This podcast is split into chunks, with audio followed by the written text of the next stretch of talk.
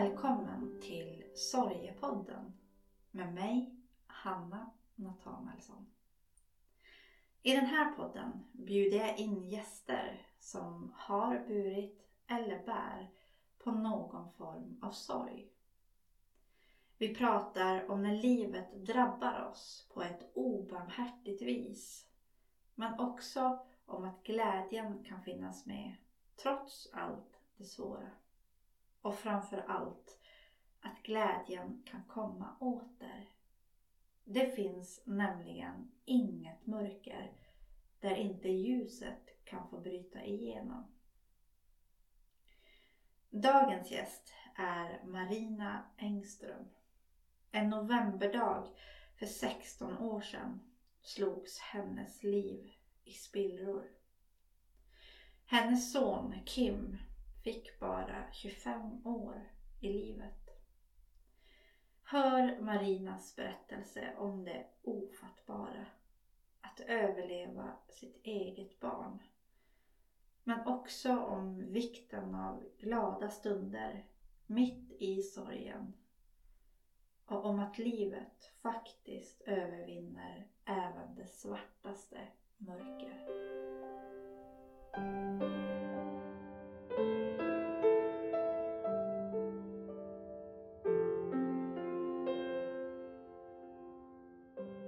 Då vill jag välkomna Marina Engström till Sorgepodden. Mm. Tack. Tack för att du ställer upp Mm. i det här samtalet. Du bär på en eh, berättelse som många människor eh, är så oerhört rädda för att behöva uppleva. Eh, och det har du gått igenom. Mm. Och det ska vi prata lite om idag. Ehm, Men jag vill verkligen tacka dig för att du, för att du tar det modet och att, att berätta. För det, det är svårt. Mm. Mm. Om du vill berätta lite grann för lyssnarna vem du är. Mm. Jag heter Marina Engström eh, och jag jobbar som undersköterska på ett boende här i Värnamo. Eh, jag har fyra barn, var och en har gått bort. Eh, jag är gift, eh, har tre katter hemma och en underbar man som jag är tillsammans med de sista 25 åren. Eh, ja, vi bor i ett hus här i Värnamo. Ett litet villasamhälle. Mm. Ja. Den här tiden på året är extra svår för dig. Eh, För i november för 16 år sedan Mm. så hände det där ofattbara. ja. Skulle du vilja berätta vad som, vad som Ja. hände? Ja, det började. det började den morgonen. Man vaknade som vanligt. Åt frukost som vanligt. Och av någon anledning, vet jag inte nu eller då, men vi satt inte på TVn som vi brukar göra.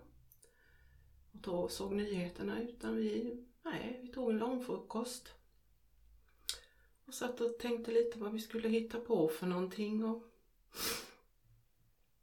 då har vi bestämde att vi skulle gå ut och gå med hunden vi hade då.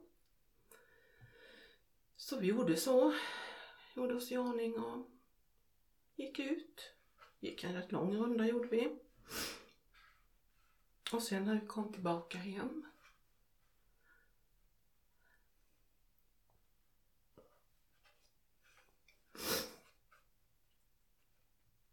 så stod det en bil parkerad utanför.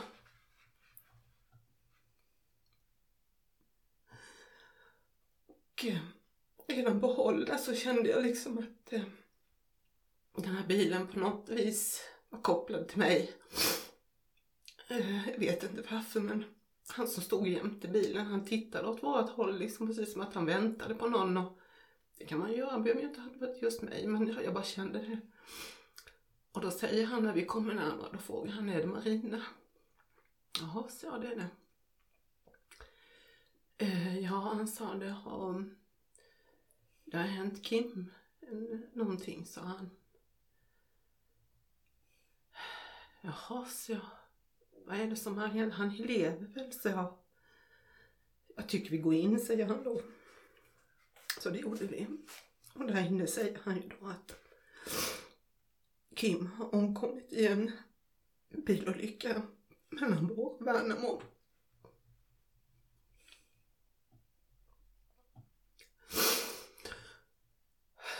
På natten, eller tidig morgon. och um, det var så här att um, de var tre killar som skulle fira 25 år ute på Solgården i vår. Och Kim skulle gå på den här festen. Så onsdagen innan detta hände var han hemma och jag hjälpte honom att fixa en skjorta som han skulle ha på sig. Och det är det sista jag träffade honom. Och den här festen den avlöpte ju som den skulle och Kim var en av de som stannade kvar sist och hjälpte till att städa. Och vid detta tillfället också så hade han en flickvän som bodde inne i Värnamo. Och många frågade honom om han ville ha skjuts hem till Bor, för han bodde i Bor. Eller in till Värnamo, men han tackade nej. Och eh, ja, när de var färdiga med städningen på Solgården så tog han och en annan kille sällskap upp till vägen. 27an då. Den ena killen gick mot Bå och Kim gick in mot Värnamo. Och klockan måste ju ha varit runt fyra, halv fem. Tidigt morgonen. Och jag tror klockan var runt sex, halv sex någonting när polisen hade fått larmet ifrån eh, de som hittade Kim då på vägen. Vad hade hänt? Ehm, egentligen vet vi inte vad som hade hänt. Ehm, det man har kunnat utläsa av skadorna på Kim var att eh, troligtvis hade han då blivit påkörd eller om man nu säger indragen av last, långtradare, trailer och dött omedelbart då. Ehm, senare så efter förhör med olika då som hade vistats på vägen just vid den här tiden var ju inte många. Men det var bland annat en taxichaufför som hade uppgett att han hade mött två trailerbilar när han körde ut mot Rydaholm. Ungefär vid den tiden det kan ha skett. Som var på väg in mot Värnamo. Och det skulle kunna stämma med skadorna på Kim då. Mm. Och mörk novembernatt, regnigt, mörkklädd. Fel sida av vägen naturligtvis. Han gick ju på högersidan då in mot Värnamo. Och det luftdraget som blir av de här stora långtradarna. Ja, han drogs nog in bara. Han märkte nog aldrig vad som hände. Men vi vet ingenting. Det, det är ingen som har gett sig till känna. Det finns liksom inga spår efter vem som har gjort det eller vad som skett. Och egentligen kan jag känna att det spelar ingen roll heller för han kommer inte tillbaka för det. Nej. Ja. När ni fick det här beskedet Mm. eh, av den här eh, mannen som... Det var ju polisen då, civilpolis var det. Just det, när han bad er att komma in och... Mm. Kommer du ihåg eh, vad som hände i dig när han gav dig det beskedet? Jag blev precis kall och precis stel. Och jag bara kände liksom magen bara vändes ut och in. Jag ville egentligen bara liksom ja, kräkas kändes det ju som men Mm. på något vis så gick det tillbaka men jag vet inte. Jag, jag hade ju mina andra tre barn där och min, min man och ja, de var ju jätteledsna så att på något vis så känner man att man måste på något sätt liksom värna om dem. Min andra näst äldste son han var jätteledsen och vi kramade om varandra. och- Ja. Men alltså det, det, det fanns inte, jag vet jag sa det till polisen sen när han satt och berättade det här. Sa, jag, du, sitter och ljuger för mig. Det är Mm. inte sant. För man kan ju inte ta in det. det. Det finns inte på kartan. Det går inte.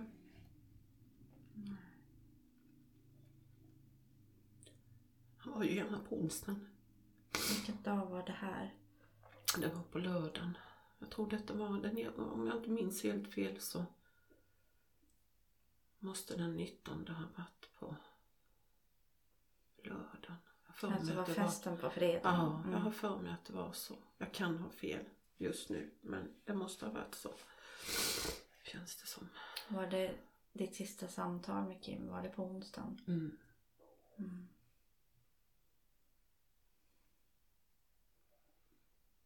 Men idag kan jag se honom stå i dörren och vända sig om och säga Vi syns.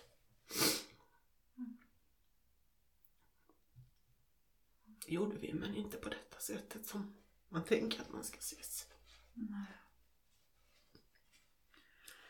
Vad hände efter, efter beskedet? Hur såg, hur såg det ut? Vad, vad, vad blev nästa steg för er? Vad fick ni, ehm, fick ni möjlighet att, att se någonting eller? Mm. eh, Det var ju så här att ehm,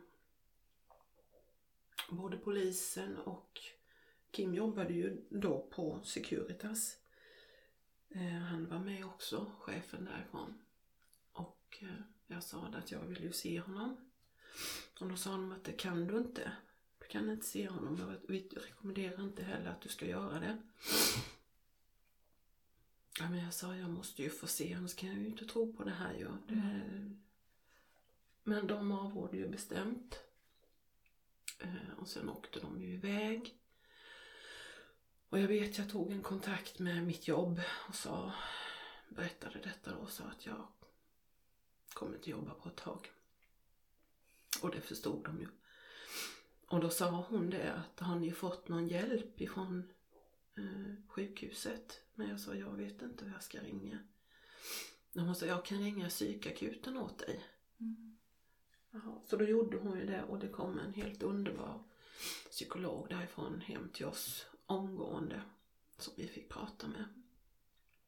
Och han sa det att det är klart du ska se honom. Mm. Självklart. Det måste du. Mm. Och jag sa att alltså jag är ju inte intresserad av att se det, allt som är skadat. Så jag, jag vill se det jag kan se om det finns något att se. Mm. För jag sa, jag, det, är- det är så ofattbart, det går ju inte att ta in. Nej, det förstod han ju. Det, alltså jag ordnar det, jag fixar det, sa han. Och eh, redan på kvällen där så återkom han då och hade pratat med dem på bårhuset och sa att eh, ni kan åka upp. De har ordnat så att ni kan komma, sa han. Och vi åkte upp. Och de hade ju täckt över Kim då med ett vitt lakan och så det var bara hans vänstra arm vi kunde se. Och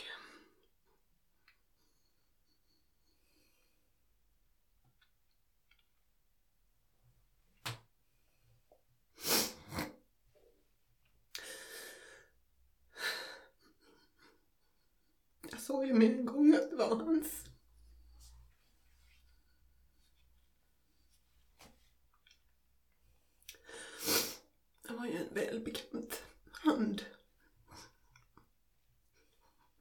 alltid många gånger. Och sen hade han ju nyligen gjort en ny tatuering på sin överarm. Så det fanns ju ingen tvekan. Men det var ju ändå, även om det var jättejobbigt att få det här bekräftat så det var så skönt att ändå få se att det var, det var så här. Mm. Kunna få hålla i hans hand en gång till.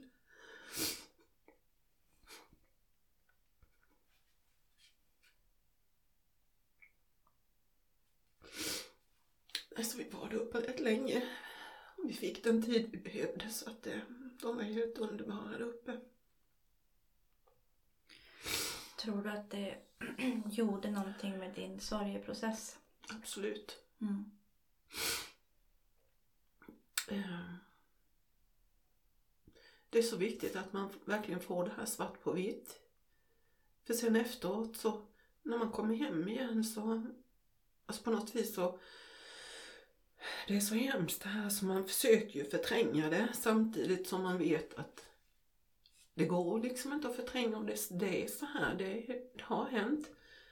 Men ändå så vägrar ju hjärnan och hjärtat att ta emot det. Mm. Så allt eftersom dagarna sen går så går man egentligen bara och väntar på att han ska komma förbi igen. Han är bara ute och reser en längre resa, så han kommer snart. Men han kommer ju aldrig. Man ser honom överallt. I bilar, i affärer. Ser man den här snaggade, svartmuskiga, lite skäggiga, långa, kraftiga killen. Och så när man tittar lite närmare så är det inte han i alla fall. Och då vet man ju ändå att man har ju faktiskt sett det här. Mm.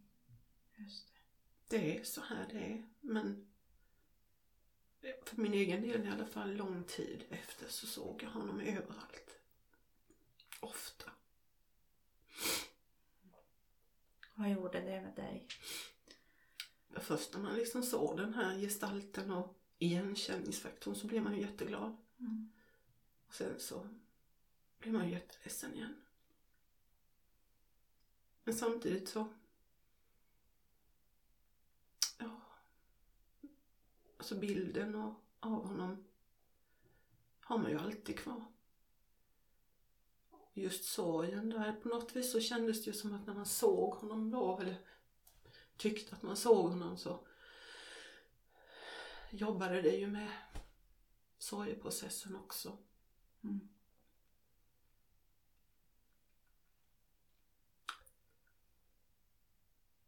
Det är ju så i början så ligger ju sorgen liksom precis Ehm, precis framför ögonen, näsan precis intill. Och sen allt eftersom tiden går så får man en mer, vad ska man säga, klarare syn på den. Det ligger inte precis framför som en käftsmäll varje morgon man vakar. Utan man kan liksom komma upp och känna att man hinner vakna innan det här kommer. Och sen så, ja, man lär sig leva med det på något vis. Man tar sig igenom det. Man, som för min egen del, jag hade ju tre barn till.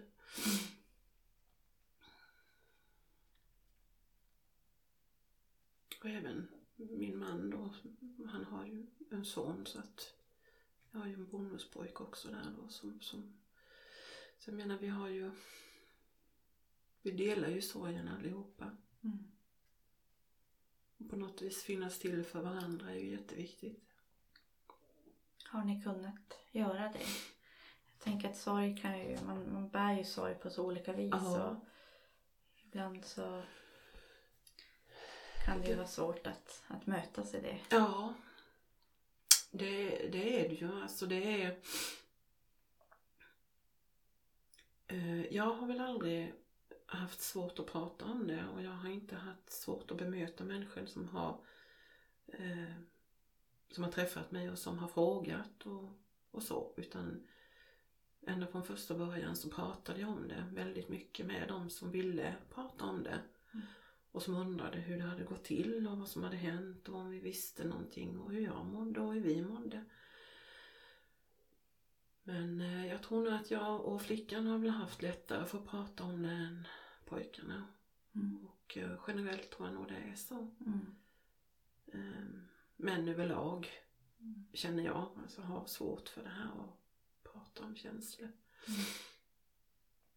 Och sorg, men visst sörjer de ju ändå. De hanterar ju det på sitt sätt. Mm.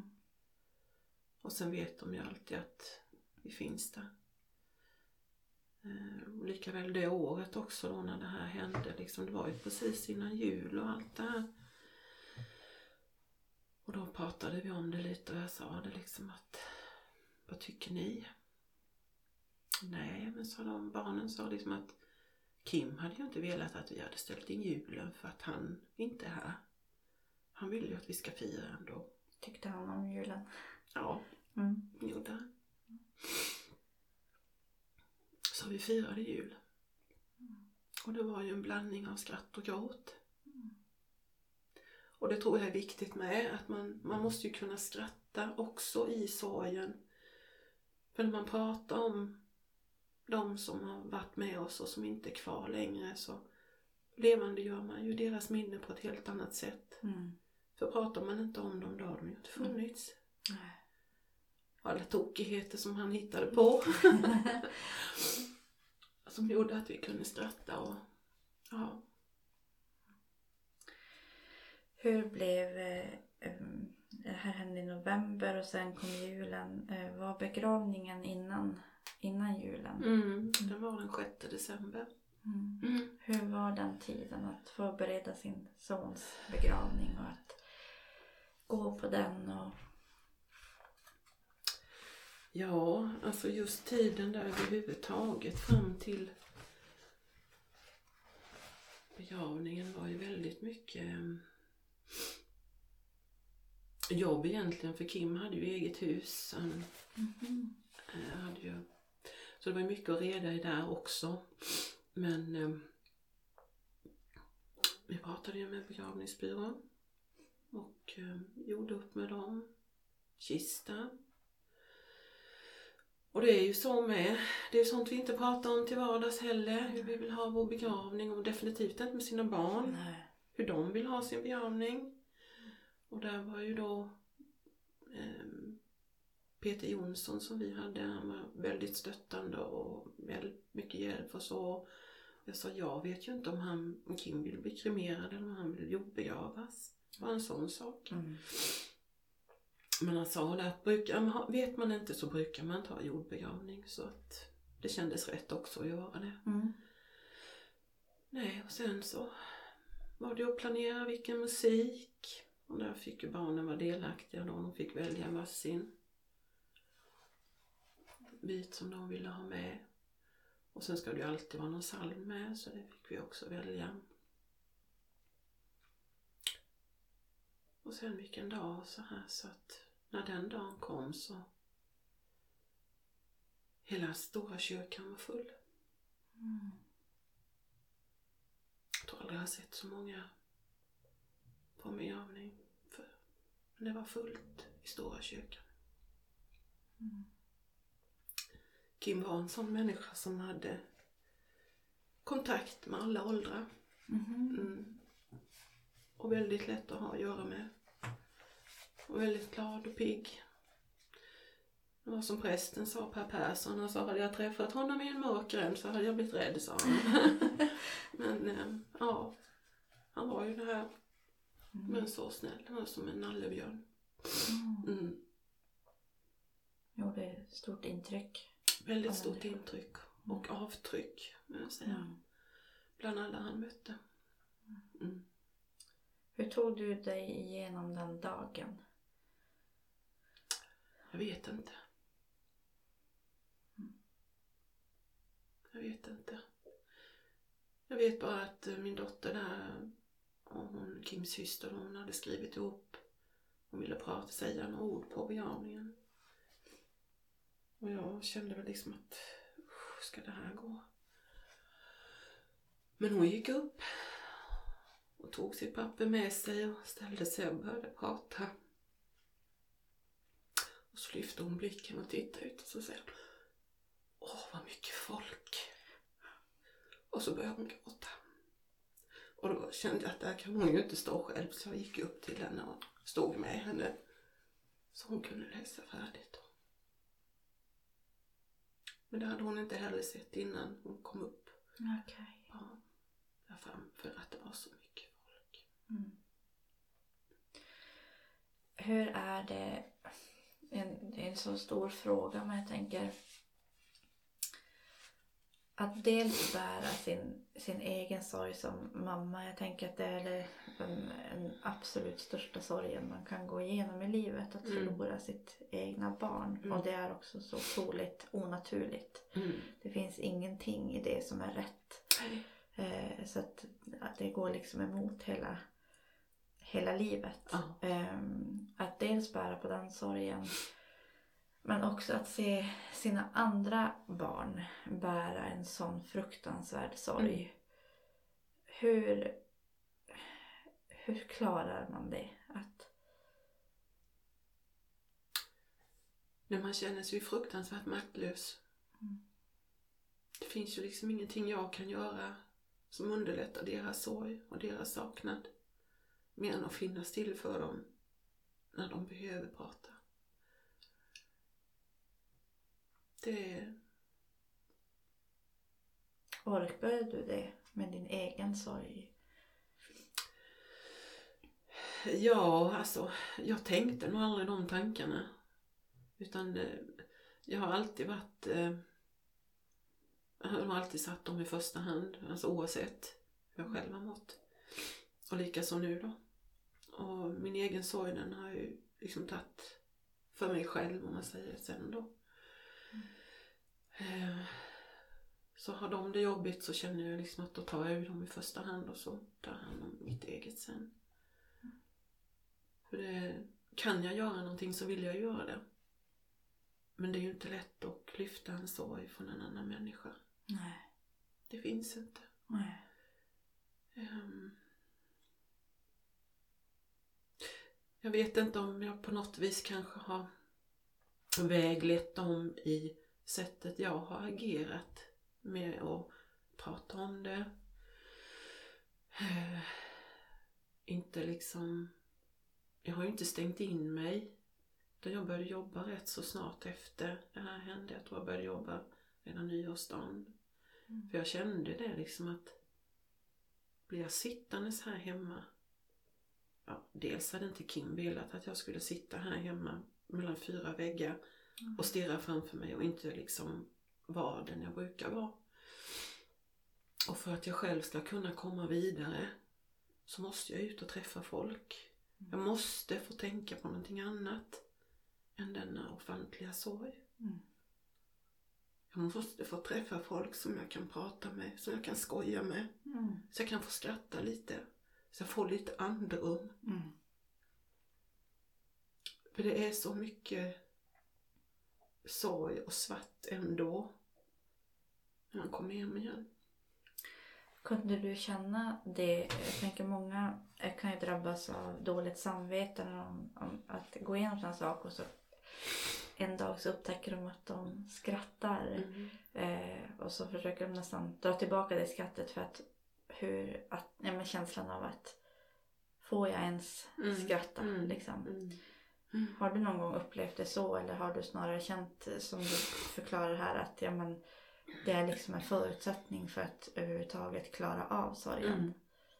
Jag har aldrig haft dåligt samvete. Jag vet, jag tänkte nog det precis kanske på julen där när vi mitt uppe i, i detta stora och denna enorma sorg satt och skrattade och hade roligt. Mm. Då vet jag att jag kunde tänka, hur kan vi sitta här och skratta? Kim finns inte bland oss längre. Men samtidigt så var det så befriande också. Och jag vet att han hade velat det. Mm. Och det ingår i läkningen på något vis att kunna skratta. Mm. Sen, man blir ju aldrig densamma igen. Det är ju en del av själen på något vis som försvinner när man förlorar ett barn. Varje barn har ju en plats, en speciell plats i själen och i hjärtat. Så den biten försvinner ju. Den saknas. Den glädjen finns inte längre.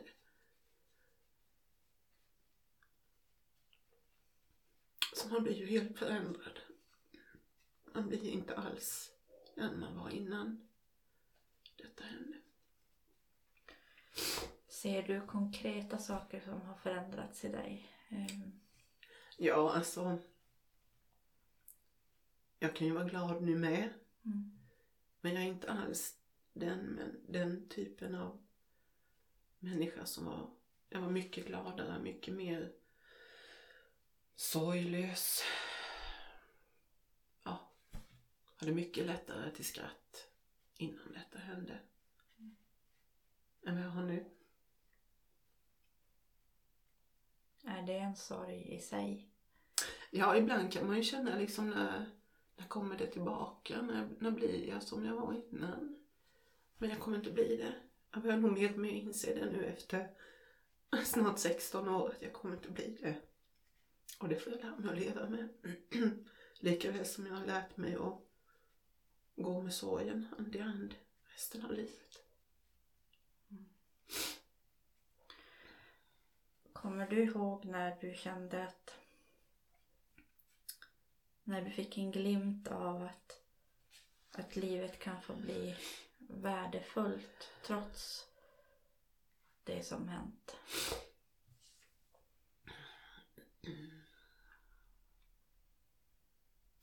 Men jag tror inte jag, jag, har, jag har nog inte tänkt så utan jag har tänkt att jag har tre barn kvar. För deras skull så måste jag finnas kvar. Och jag måste försöka och ehm, hur ska jag säga? Jag måste försöka vara så mycket den jag är. Fortsättningsvis också. För deras skull. Mm. De är ju glädjen i livet nu. Det är ju det är ju ljuset som finns nu. Det är ju mina andra barn. Mm.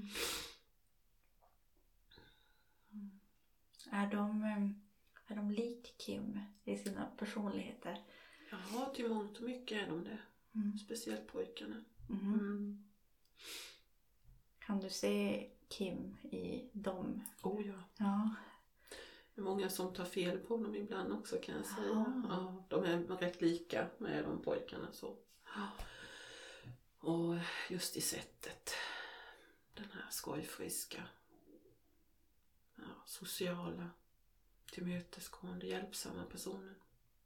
Är det en tröst eller är det som att klia upp ett sår? Att se det. Nej, jag tycker det är en tröst. Jag tycker det känns skönt. Mm. Att det, på något vis så finns det en bit kvar av honom ändå. Mm. I dem. Jag tror nog att de, de upplever nog det också. Att på något vis så har de honom med sig ändå. För att de är ändå så lika de här tre pojkarna. Mm. Sen är ju flickan på ett annat vis. Hon är ju lik honom på ett sätt men ändå inte. Är Mm. hon är mer lik mig så. Mm. Mm. Hur gamla var de när... För Kim var äldst. Mm. Han var 25, 25. när det här Mm. hände. Hur gamla var syskonen? De var 23 och... Ska vi se vad var sen? 20 var hon.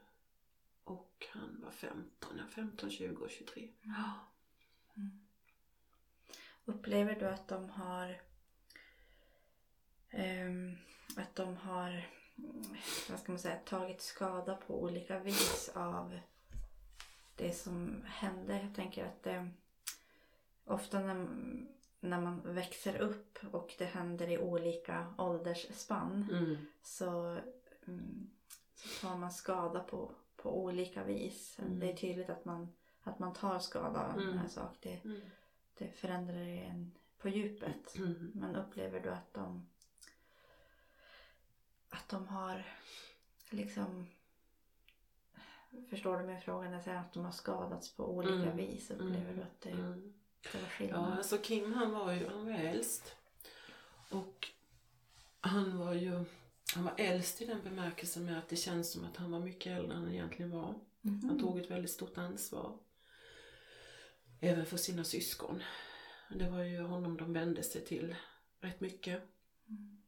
Så när det här hände så slog det undan benen på dem alla tre. Eh, mest märktes jag det nog på den yngsta som var 15. För från att ha suttit hemma vid datorn liksom egentligen och varit fast där så var det som att vända en hand. Han började vara ute och ja, feste och sånt här och började röka och så. Så att det blev en helt annan personlighet. Och jag tror att på något vis så var det hans sätt att bearbeta det på, på något sätt. Och det här det höll på i några år. Tills han började liksom vända tillbaka igen.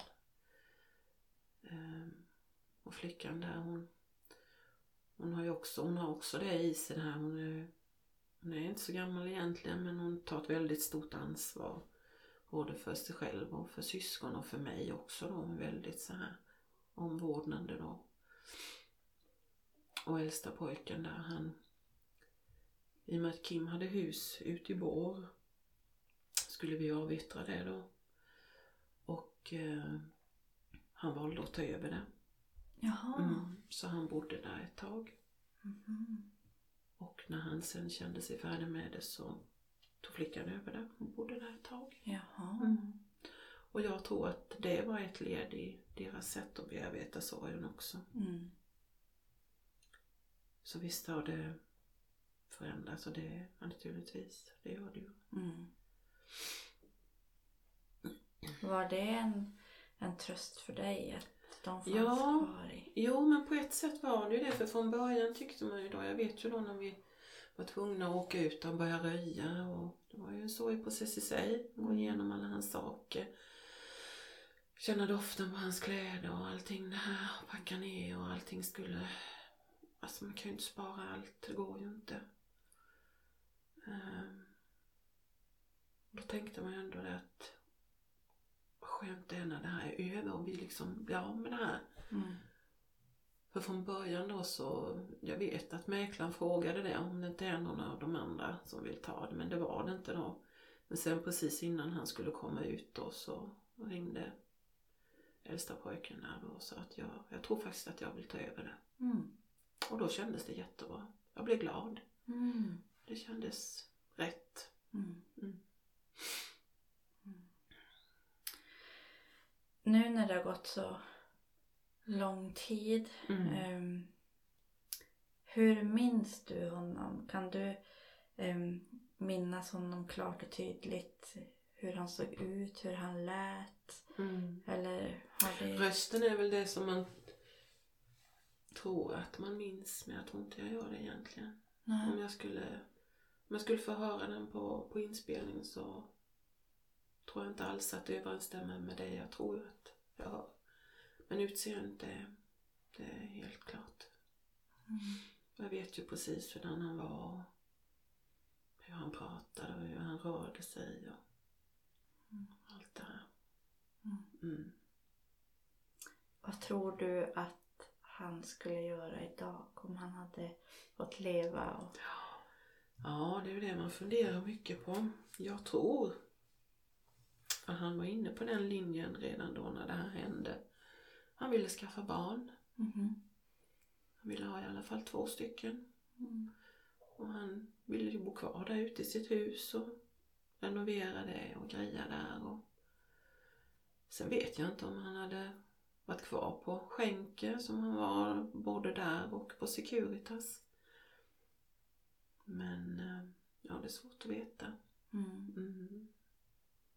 Men Jag tror nog att han hade, han hade haft sitt eget lilla familj och kryp in och, Mm. Mm. Mm. hund och katt med kanske till och med. Jaha. Ja. Mm. Mm. Det tyckte han om. Ja, han hade hund då när det här hände så att, eh. Men det har han alltid varit förtjust i djur och så också. Så att, Mm. Hur upplevde du eh, att andra människor bemötte dig i din sorg? mm. eh, jag kan inte säga annat utan att jag har känt hela tiden att jag har blivit väldigt väl bemött. Mm. Jag vet många sa, kunde säga liksom att vissa hade upplevt att folk bytte sida på gatan Mm. och sådana här grejer. Och jag var inte med om någonting sånt. Ingenting. Mm. Och jag vet, alltså mycket kan ju handla mycket om hur man själv är med. Och jag har ju redan från första stund varit öppen med att jag pratar om det här. Mm. Jag vill prata om det här. Det är ingenting som är förbjudet. Och jag vet de som ringde hem, de liksom, jag, jag vet inte vad jag ska säga, men du behöver inte säga någonting. Nej. Det finns liksom ingenting att säga. Jag vet att du har ringt och det, det räcker. Tror du att du hjälpte dem med det? Att när du sa det? Att, för jag tänker det är ju människors största rädsla. När, när sorgen drabbar någon Mm. så är det ju vad ska man säga? Mm. Vad ska man göra? Och det är så lätt att man drar sig undan Mm. just för den Mm. rädslan. Mm. Tror du att du på något sätt avdramatiserar det genom att också säga att det finns ingenting att säga? Att, Jag vet inte, kanske. mm, Men det var så jag kände. Att det, Mm. det finns ingenting att säga. Alltså, det, det har hänt och det är fruktansvärt. Det är det mest tragiska, fruktansvärda som man kan vara med om. mm, Och jag vet att i och med att du ringer så är du deltagande i min sorg. Alltså, du Mm. tänker på mig. mm, Och jag vet också att jag sa det till min chef redan då. Att jag vill träffa alla mina kollegor mhm, och prata med dem. Så att de kan säga liksom, kan, alltså själv, för jag vet ju hur, hur man pratar ute på arbetsplatser och sånt här. Och just då jobbade jag ju i någonting vi hade här i Värnamo som hette Resursenheten så jag gick ju runt på många boende. Och då vet man ju att ja, då sprids det ju snart kanske felaktiga saker Mm. med och jag Just. ville att det skulle vara rätt. Så att då ordnade hon så att vi träffades hela arbetslaget på ett annat boende där. Och jag fick prata med dem. Och de fick säga vad de undrade och allting så här. Så att det var ett bra möte tycker jag. Och jag Mm. sa det att är det någon som frågar så får ni berätta. mm, Och de får gärna kontakta mig om det är någonting. De undrar över eller om de vill prata med mig för jag pratar gärna om det. mm, det både för min egen skull och för Kims skull. mm. För jag tänker också det här med att, att låta den som har gått bort få ta plats. Eh, att, eh, att det är också ett sätt att den får... ehm, jag, pra- jag vet att jag pratade med Anna-Maria, min första gäst Mm. i den här podden, just om Mm. att, eh, att det kunde kännas för henne, och det var så ovärdigt hur, hur då hennes mamma som hon hade förlorat skuffades undan på något Mm. vis. För att folk inte pratade. Eh, och att det blev ehm, eh, att låta ja, men den avlidne få ta plats. Mm.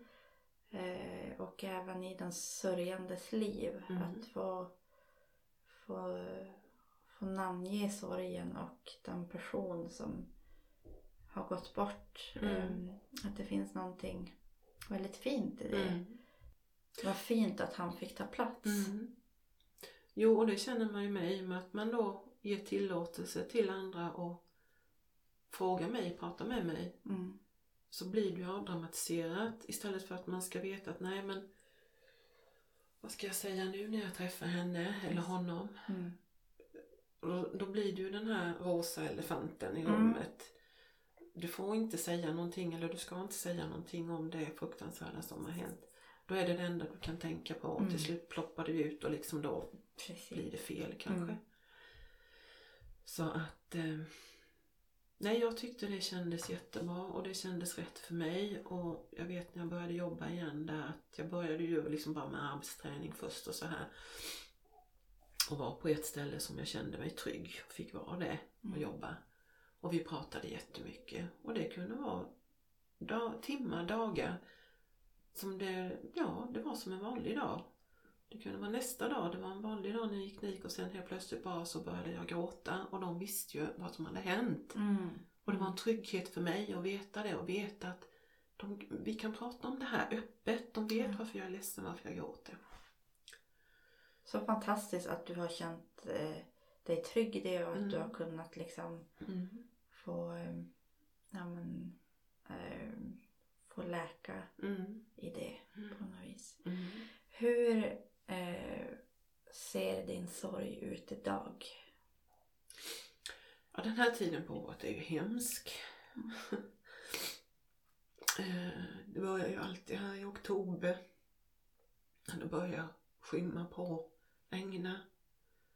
Och så blir det ju, jag vet inte om jag ska säga att det blir värre, men det håller ju i fram till årsdagen. Jag brukar alltid ta ledigt på årsdagen. Jag vet aldrig hur jag mår. Jag kan må bra, men jag kan även vara helt i upplösningstillstånd den dagen. Men samtidigt så det finns ju ingenting som säger att tiden läker alla sår, för det gör det inte. Nej. Men man lär sig hantera det. Och eh, man lär sig leva med det. Sorgen efter Kim, den går jämte mig varenda dag. Och eh, ibland gör den sig mer påmind. Och ibland är den lite längre bort. Men den finns alltid jämte. Finns det någonting som, som du vet brukar, dels det här att, att, du är, att det är den perioden nu, att det, men finns det någonting i, i vardagen som alltid påminner dig om, finns det en, någon doft eller någon låt eller någon händelse, någonting som, som du vet att men, då, då sköljer sorgen över mig extra. Nej, alltså det kan jag nog inte säga att det är exakt så. Utan det, det kan man bara vara liksom att jag tänker mer på Kim. Vissa tillfällen under året. Och eh, saknar honom mer helt enkelt. Och det kan ju vara att det kanske händer saker i livet som gör att det blir jobbigare eller det händer saker som är jätteroliga och glädjefyllda som man önskar att han kunde fått vara här och vara med om Mm. och fått vara delaktig i. Och då kan jag känna liksom att då, då kan jag bli mer ledsen. Att det sköljer över på ett annat vis. För han, han var bara 25. Mm. Han hade hela livet framför sig. Mm. Jag önskar så att man hade fått se vad som skulle komma Mm. framöver. Mm. Samtidigt så hade han haft familj och sånt när det här hände så hade det ju varit en fruktansvärd Mm. sorg för dem också. Mm.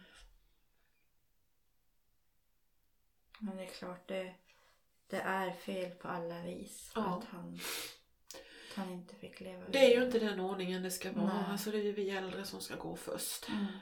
Men sen är det ju så, det är allt för många som upplever tvärtom. Mm. Eh, Att förlora ett barn är ju inte det man räknar med att man ska göra. Nej. Nej, och jag tänker att det kan man heller inte... Um, alltså jag tänker att ibland är det också bra att vi inte vet vad vi ska gå igenom Mm. för det hade vi aldrig orkat. Nej, det hade vi inte orkat med. Nej. Absolut inte. Nej. Vad tänker du om ehm, det här, alltså döden är ju så definitiv och det är så jag inte, det är så smärtsamt eh, att, att den är så definitiv att det kommer aldrig mer någon stund här på jorden där man får ses igen. Mm. Vad har du för tanke kring liksom, om vad som händer efter livet och sådär? Är det något som har, har det påverkat dig i det som har hänt? Och hur, hur har du hur tänker du kring det? Mm. Eh, jag, jag ska inte säga att jag tror på Gud. Jag tror på en högre makt. Mm. Eh, jag tror från den dagen vi föds tills den dagen vi ska lämna det här livet Det har vi redan utbestämt. Det är redan klart och tydligt när vi föds. Mm. Vi har alltid, vi har var och en den tiden på jorden som Sen det spelar ingen roll om du går på en väg 19 november eller om du sitter på ett flygplan eller ligger i din säng. När det är dags, då är det dags. Då, då är det bara så. Eh, jag tror vi ses igen. Jag tror på ett liv efter detta. Och det kan jag känna hjälper mig i min tro. Att vi träffas igen. Jag är övertygad om det. Jag känner det inom mig att jag kommer träffa honom igen. Jag kan känna hans närvaro. Mer eller mindre under vissa perioder i livet. Och jag vet att han finns med oss, även om vi inte ser honom. Den övertygelsen som jag har om detta, det gör att det är lättare för mig att hantera det. Även när sorgen är som störst och när det är som jobbigast. Men det är ändå en trygghet i sig och veta att jag har den tron. Hade du det innan det här hände? Jag har nog alltid haft en barnatro om man säger så.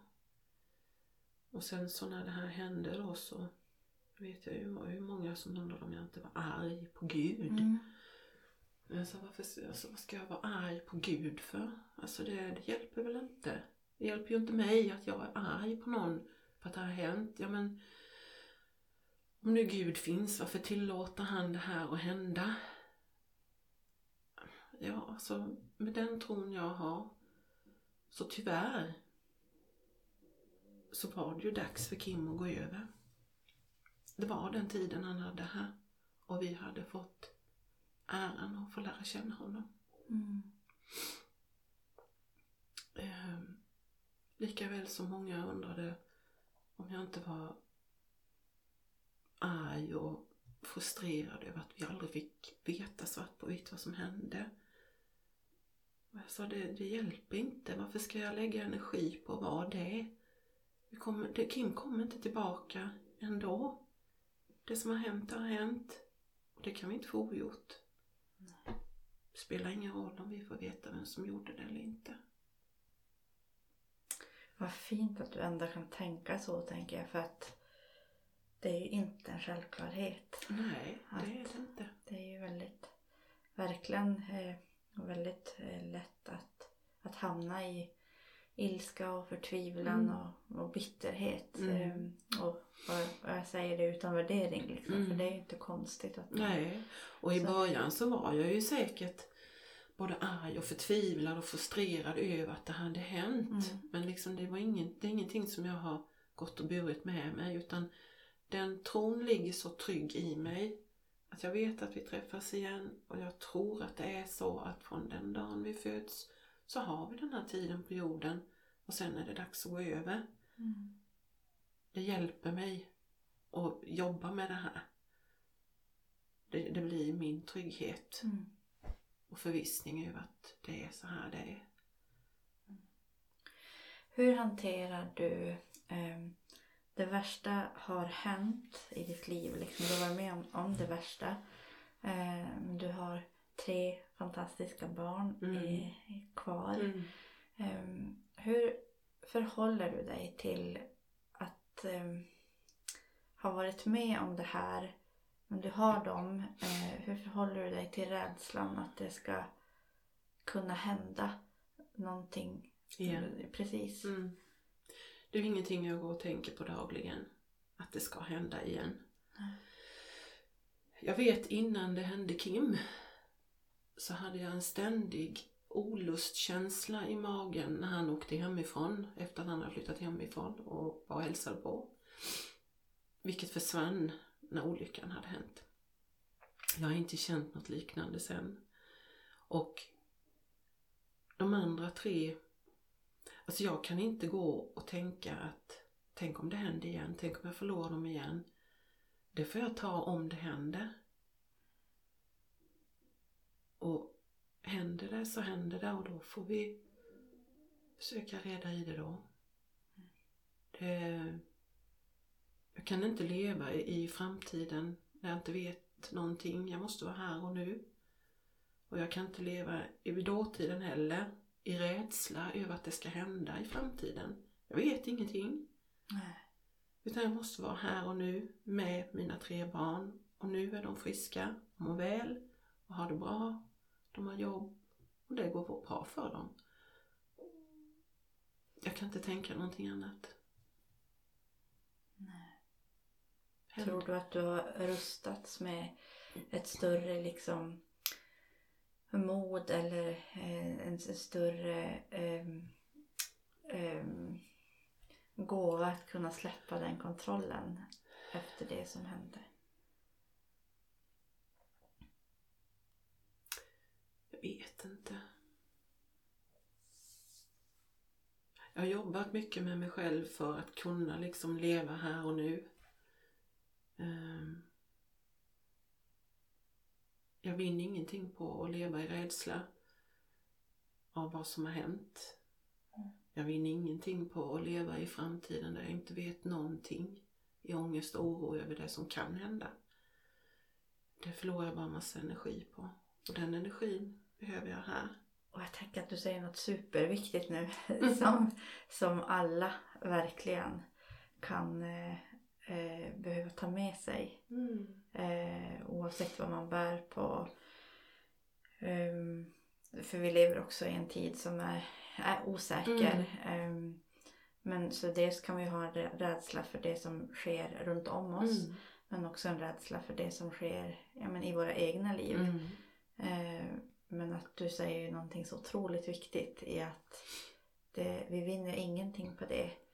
Det är ingenting som vi heller kan rädda eh, genom att, eh, att gå och vara rädd Mm. eh, för det. Eh, utan vi kan verkligen bara leva här och nu. Mm. Ehm, och ta vara på, på livet. Mm. Ta vara på livet och ta hand om den energin vi har. Det är så lätt att bränna ut sig på allt om man nu vill det. Mm. Det är bättre att lägga den energin på sånt som är viktigt just nu. Mm. Man behöver det. Mm. Mm. Tycker du att livet är ehm, Är det värdefullt trots det som har hänt? Ja, det tycker jag. Mm.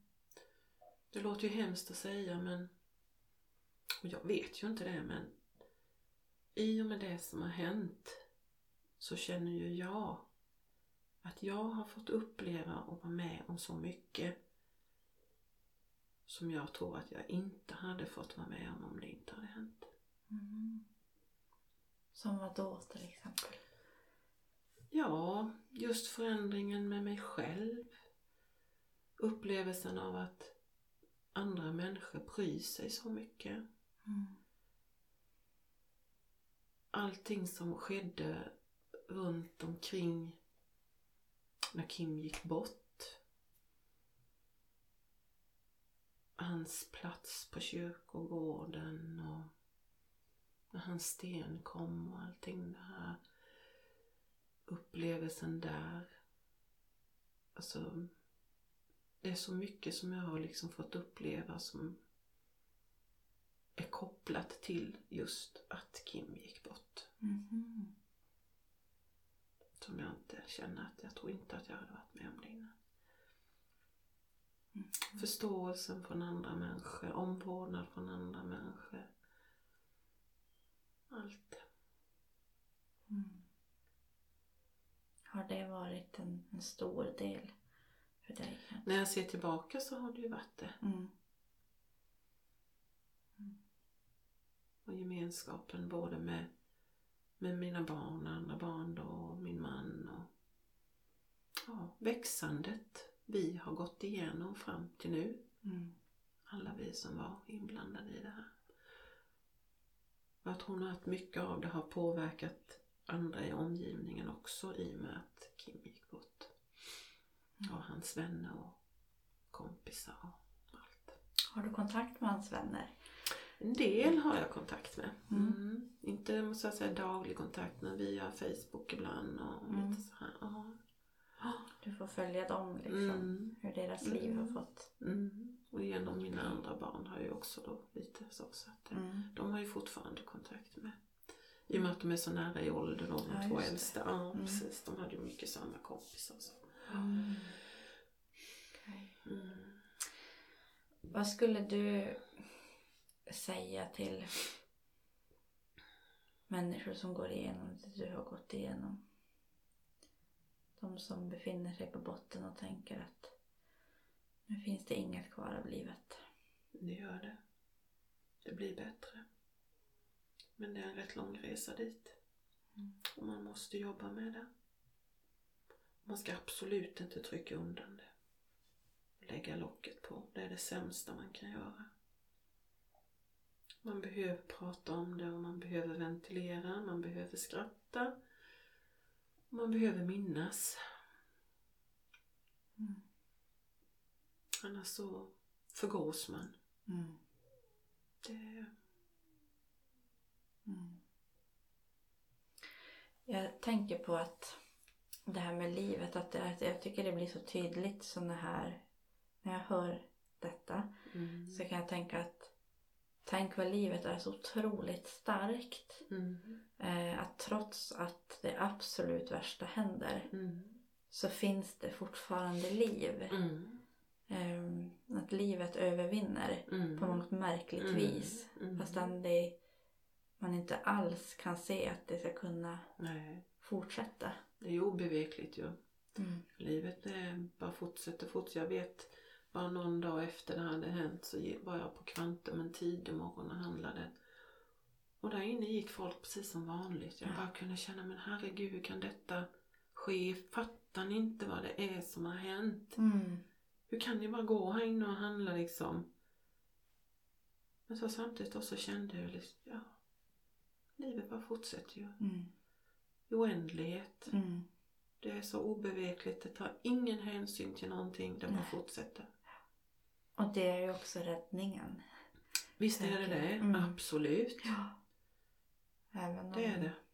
det kan kännas ibland som ett hån för Ja, den som ja. går igenom sorg. Att hur andra människor kan bara fortsätta. ja.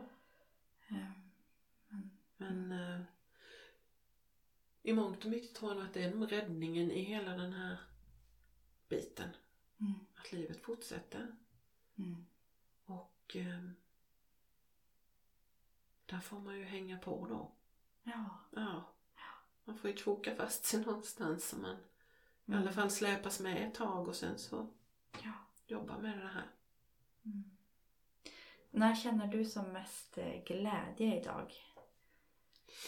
Oj. Ja, vad känner jag som mest glädje?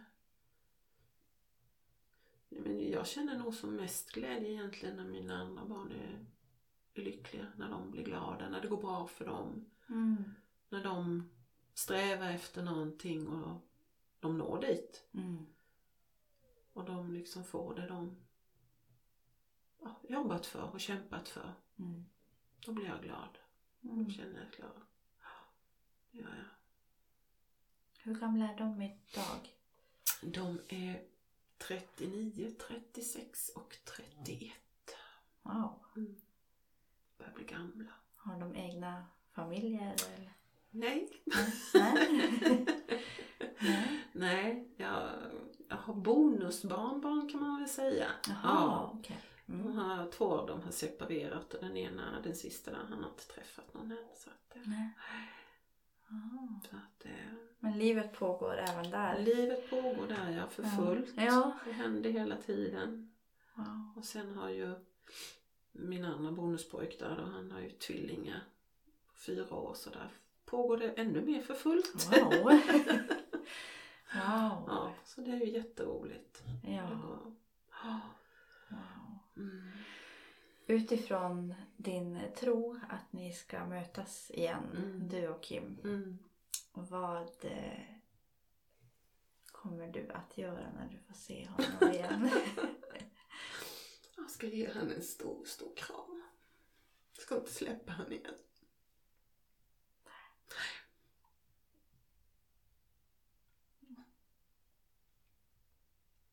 Men det är som jag säger, jag vet ju att han, han kommer stå där andra sidan. Den dagen jag kommer.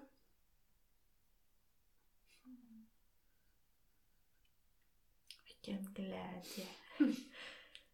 Absolut. Ja. Otroligt. Verkligen. Mm. Jag är så tacksam att du kunde tänka dig att berätta om det här. För jag vet att det är så svårt. Mm. Ehm,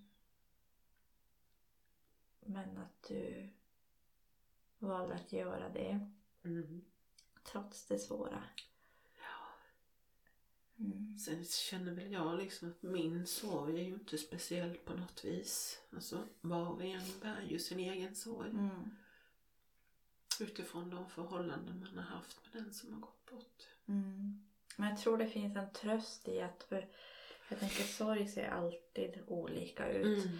Men jag tror det finns en tröst i att oavsett vad man bär på, att få höra, när man själv bär på sorg, Mm. att få höra en annan människas sorg och överlevnad i Mm. sorgen. För det, det tror jag att, att alla som har, har burit på svår sorg tror att man inte överlever. Nej. Ehm, och det finns en tröst i att, att få höra, precis som du säger, att livet fortsätter. Och, Mm. ehm, och precis som du säger det här att det blir aldrig mer som innan. Det ser inte ut som innan. Nej, jag vet. Men det kan få vara värdefullt. Mm. Ehm, Det blir bra ändå. Ja, Det kan bli bra ändå. Men att man får ge det tid. Ja. Och att man Absolut. också tänker här det du berättar att varje år, den här tiden på året så sköljer det över på ett, Ja. på ett visst vis. Och att det också är det är okej att det är så Ja. i livet. Ja. Ehm, att, eh, för jag tänker också att sorgen verkligen drabbar oss Ja. i tider av livet. Mm. Även när man tror att ehm, det här är en sån tydlig livslång sorg. Det är Mm. klart att du aldrig blir av med den. Nej. Men, men att just att, att det, ibland kan vi tro att ja, men nu är jag på en bättre plats liksom. Och så, Mm. så sköljer det över en. Ja. Men man, man överlever det också på något vis. Ja.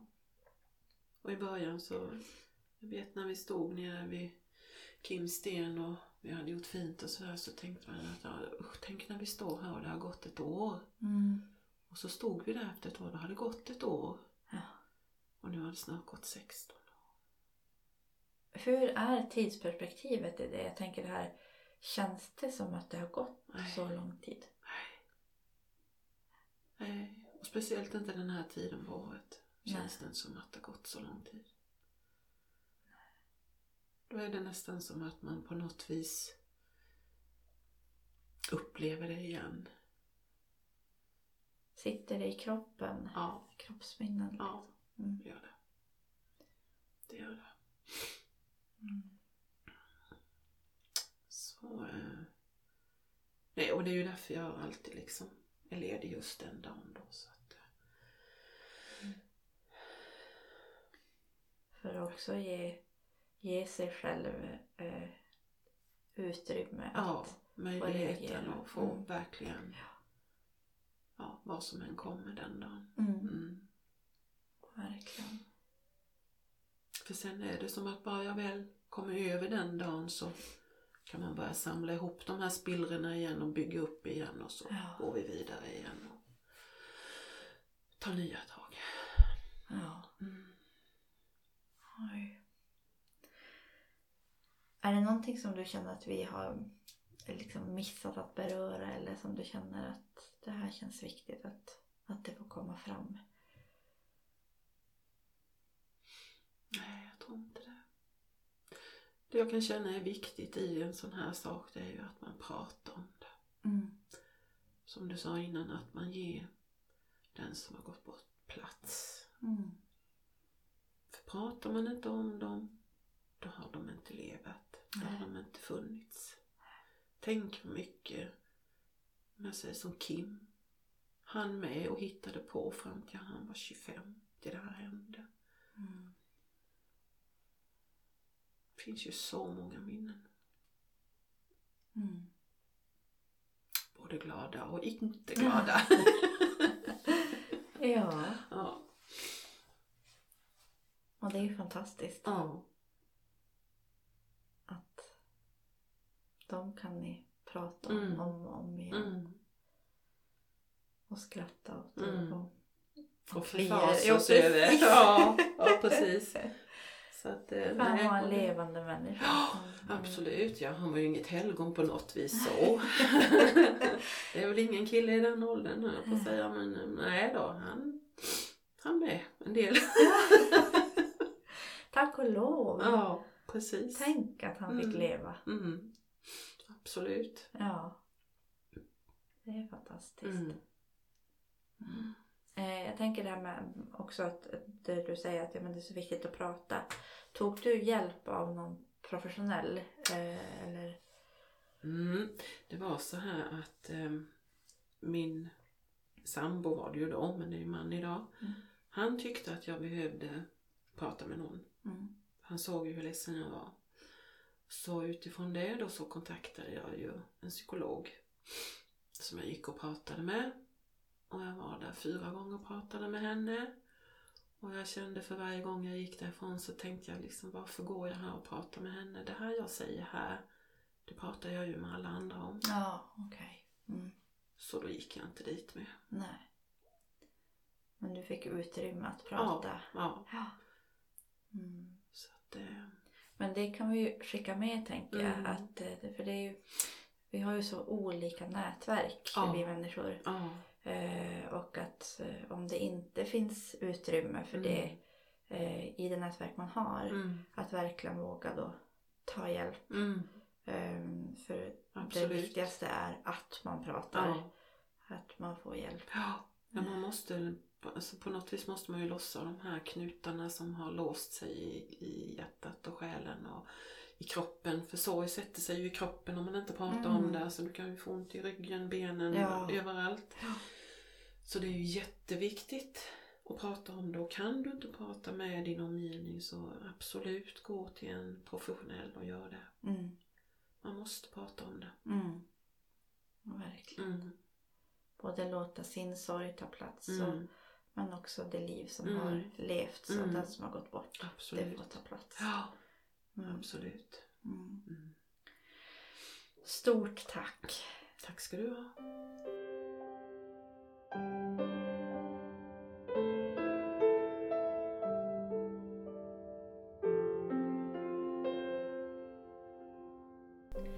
Tack för att du har lyssnat till Sorgepodden med mig, Hanna Nathanaelsson. Dagens gäst var Marina Engström. Följ gärna mitt arbete på Facebook och Instagram på Aurora Sorgebearbetning. Tills nästa gång, ta hand om dig.